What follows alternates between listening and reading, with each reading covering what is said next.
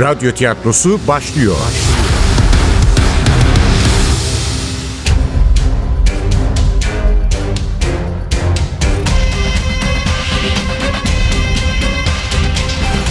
Sultanı Öldürmek 52. Bölüm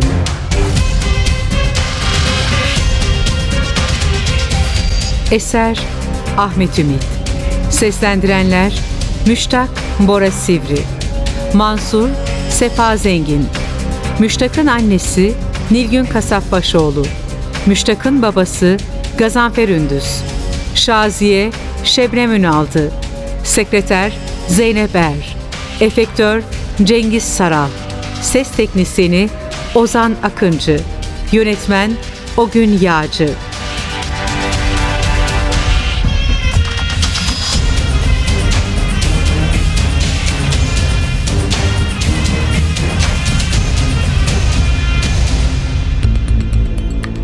Alo?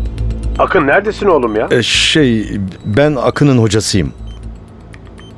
Mansur şaşırmış olmalıydı, sessiz kaldı. Güven vermek için en az onunki kadar sıcak bir sesle açıkladım. Efendim, yabancı değilim, adım Müştak. Tarih profesörü Müştak Serhazin. Aa hocam sonunda tanışabildik. Ben de Mansur. Akın sır gibi saklıyordu sizi. İsminizi bile söylemedi. Sadece bir tarih profesörü. Sahi nerede o hayırsız? Güya bugün arayacaktı bizi. Akın'ın beni sır gibi saklamasına bir mana veremesem de şu Mansur denen adamın saldırıdan haberi olmadığını anlamıştım. Ne yani? Şimdi olanı biteni bütün tafsilatıyla anlatmak zorunda mı kalacaktım? Yok. En iyisi gizlemekti. Ee, Akın biraz rahatsız. Dinleniyor. Hay Allah geçmiş olsun. Neyse hocam zaten bize lazım olan Akın değil sizsiniz. Madem ki artık tanıştık şu türbe meselesini sizinle konuşmak daha doğru olur. Türbe mi? Neden bahsediyordu bu adam? Yoksa yoksa beni Nusret'le mi karıştırıyordu? Nasıl olsa işin sahibi sizsiniz. İşin sahibi? Tabii ya. Beni Nusret zannediyorlardı. İyi de neden Nusret'in kimliğini gizlesin Akın? Sakıncalı bir iş yapıyorlardı da ondan. Türbe? Evet. Muradiye Külliyesi'ndeki ikinci Murad'ın türbesi. İkinci Murad'ın mezarını açacaklardı. Toksikoloji incelemesi için.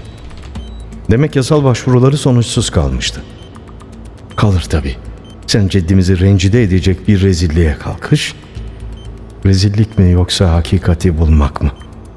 Aman her neyse işte. Sonuçta beni de bulaştırdılar ya bu netameli projeye. Şu telefondaki fırsatçı da patronun ben olduğumu sanıyor. Hemen anlatmalıydım durumu başım daha fazla belaya girmeden. Dur, dur ne belası? Belki de bu bir şanstır. Talih bütün muammayı çözecek fırsatı ayağıma getirmiştir. Bu fırsatı tepmek delilik olur. Öyle değil mi hocam? Şu Bursa'daki vakıflar müdürüyle uğraşarak o kadar zaman kaybettiniz. Akın'ın dayısı değil öz abisi olsa fark etmezdi. Ona söylemiştim araya kimi koyarsanız koyun izin alamazsınız diye. Oysa baştan bize gelseydiniz şıp diye çözmüştük işi. Akın'ı anlatamadık ki. Neyse artık sizinle tanıştığımıza göre mesele kalmadı. Evet, e, evet de bunu telefonda konuşsak Olmaz. Takdir edersiniz ki bu işler telefonda anlatılmaz Müştak Bey. haklısınız. Yüz yüze görüşelim. E, ne zaman? Hemen. Hemen mi? İşi uzatmanın alemi yok hocam. Bugün Akın'la buluşacaktık. Madem o rahatsızlanmış, siz gelin. Hasan Usta da yanımda. Biliyorsunuz daha önce de restorasyon çalışmalarına katılmış. Sadece türbe değil, camiinden medresesine bütün külliyeyi avucunun içi gibi biliyor. Türbeye nasıl gireceğini de açıklar. Alacağı ücreti de söyler. Hem benim komisyonda konuşuruz. Hadi, Zeyrek'teki dükkanda sizi bekliyoruz. Zeyrek'teki dükkan? Akın anlatmadı mı? Helal olsun. Ketum çocukmuş. Hasan Usta'nın nalburiye dükkanındayız. Sağlam nalburiye. İbadethane sokağı Molla Zeyrek Camii'nin paralelinde. Neyse hadi fazla bekletmeyin bizi. Tamam. Hastane odasının ilaç kokulu havasını ciğerlerime doldurduktan sonra biraz da kendimi ikna etmek için kararlılıkla tekrarladım. E, tamam, hemen geliyorum.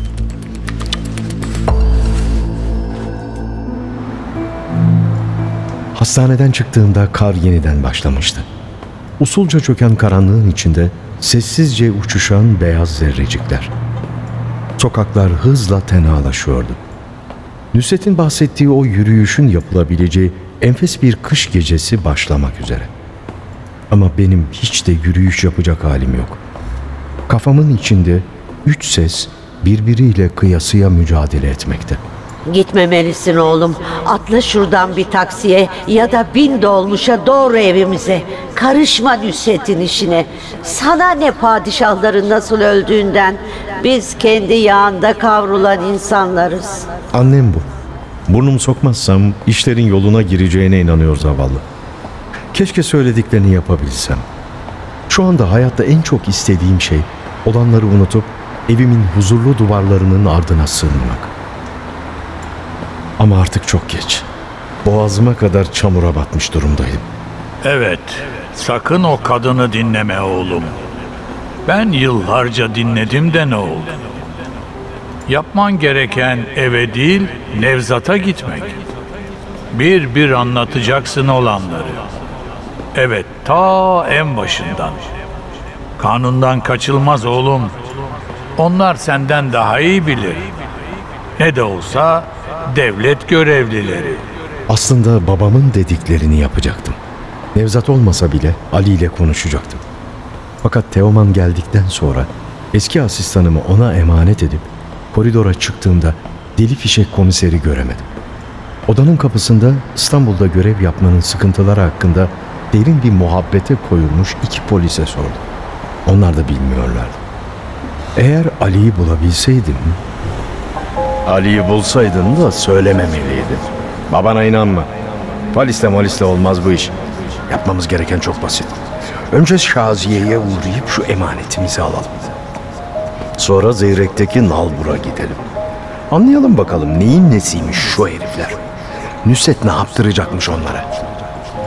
Oradaki işimiz bitince de Şişli'ye dönelim. Hastaneye değil, hanımefendi sokağı. Dilli şarküteriye. Kış gecesi vakitte ilerlemiş. Kimsecikler olmaz sokakta. İçeri girer girmez silah çıkarıp kafasına üç kurşun. Kredi kartımızın silibini kasadaki paralarla birlikte attık mıydı cebimize? Mesele hallolmuş demektir. Artık isteyen istediği gibi konuşsun. Bu manyak tarafımın düşüncelerine pek itibar etmesem de Şaziye'ye uğrama konusundaki önerisi aklıma yatmıştı. Hem içindeki tabancayla çantamı orada bırakmaz hem de kim oldukları hakkında en küçük bir fikrim bile bulunmayan adamların yanına elim boş gitmemiş olurdum. O niyetle daha şimdiden karın beyazlaştırdığı arka sokaklardan Osman Bey'e yöneldim.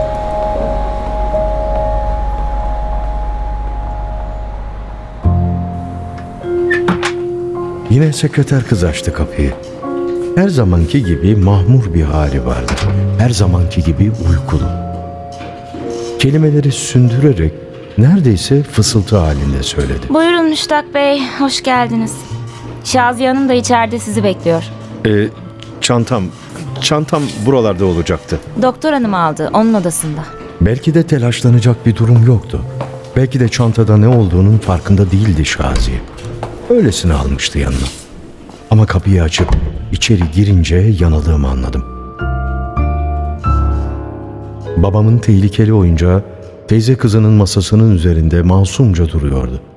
Masumca diyorum çünkü Şaziye'nin lacivert kemik çerçeveli gözlüklerinin arkasından karanlık iki namlu gibi yüzüme dikilmiş gözleri çok daha tehditkardı. Nereden geliyorsun Müştak?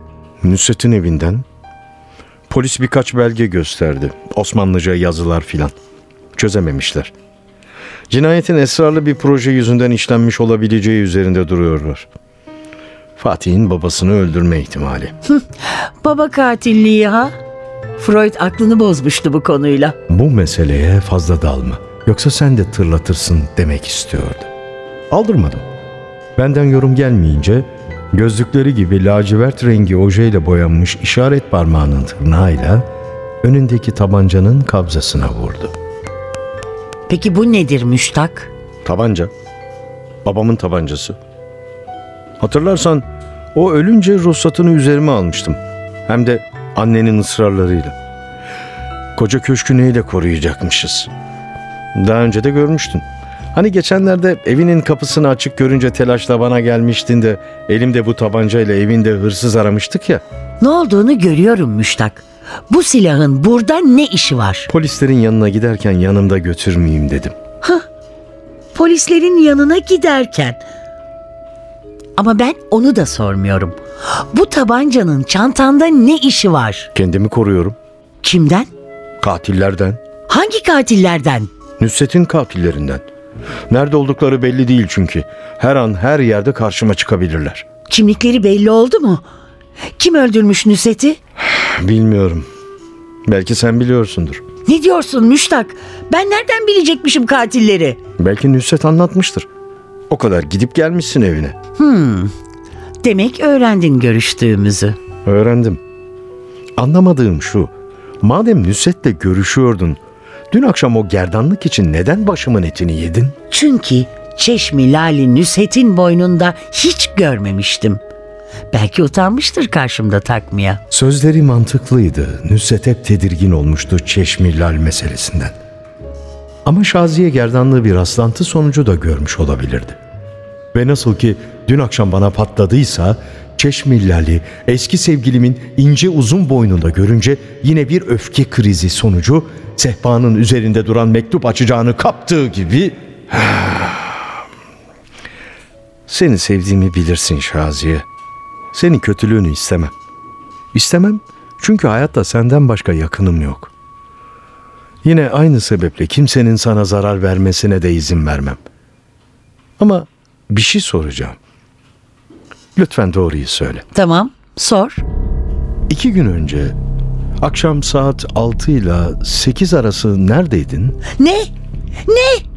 İnanmıyorum. Beni cinayet işlemekle mi suçluyorsun? Müştak, sen manyak mısın? Nasıl böyle bir şey düşünebilirsin? Seni hiçbir şeyle suçladığım yok. Sadece 6 ile 8 arası nerede olduğunu sordum. Müştak, sen sahiden çıldırmışsın. Senin tedaviye ihtiyacın var. Sorumun cevabını alamadım. Peki, dinle o zaman. Saat 6'da ben nerede miydim? Parkinsonlu bir hastam var Acıbadem'de, Sezai Bey. Saat 18-15 gibi ona uğradım. Hastalığı ilerlediği için Sezai Bey beni doğrulayamaz. Ama karısı Meral, oğlu Şükrü, gelini Emel, Moldovyalı bakıcısı Yelena tanığımdır. İstersen telefonlarını vereyim sor. Hı? Utanmam gerekirdi. En azından mahcup olmalıydım. Hayır, hiç de öyle bir his yoktu içimde. Madem ki Nusret'le görüştüğünü benden gizlemişti, elbette her türlü yalanı da söyleyebilirdi. Bakışlarımdaki suçlayıcı ifade kaybolmadığı için olsa gerek, Şaziye cinayet saatinde neler yaptığını anlatmayı sürdürüyordu. Yedi gibi çıktım Sezai Bey'in evinden. Kar yağıyordu. Her taraf bembeyazdı. İstanbul'da sıkça karşılaşmadığımız bir kış gecesi.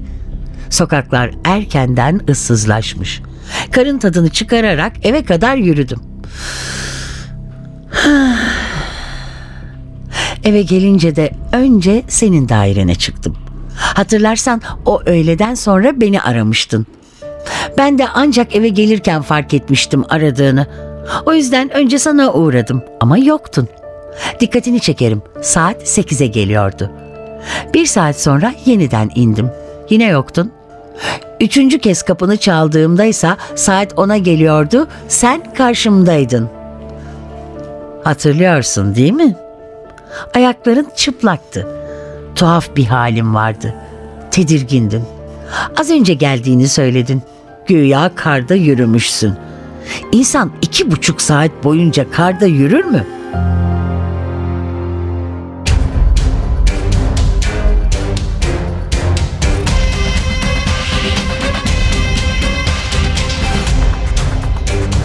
Sultanı öldürmek.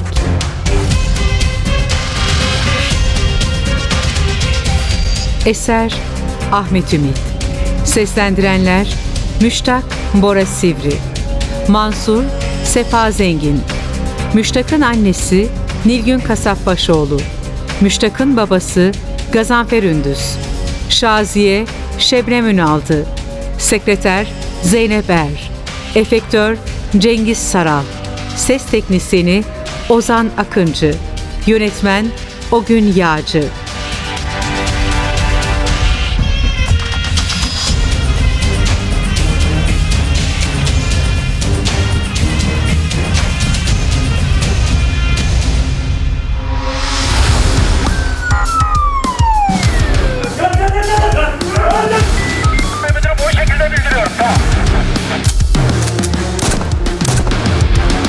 Radyo tiyatrosu sona erdi. Radyo tiyatrosu her cumartesi 11.30'da NTV Radyo'da. Kaçıranlar ve tekrar dinlemek isteyenler içinse ntvradio.com.tr'deki podcast sayfamızda.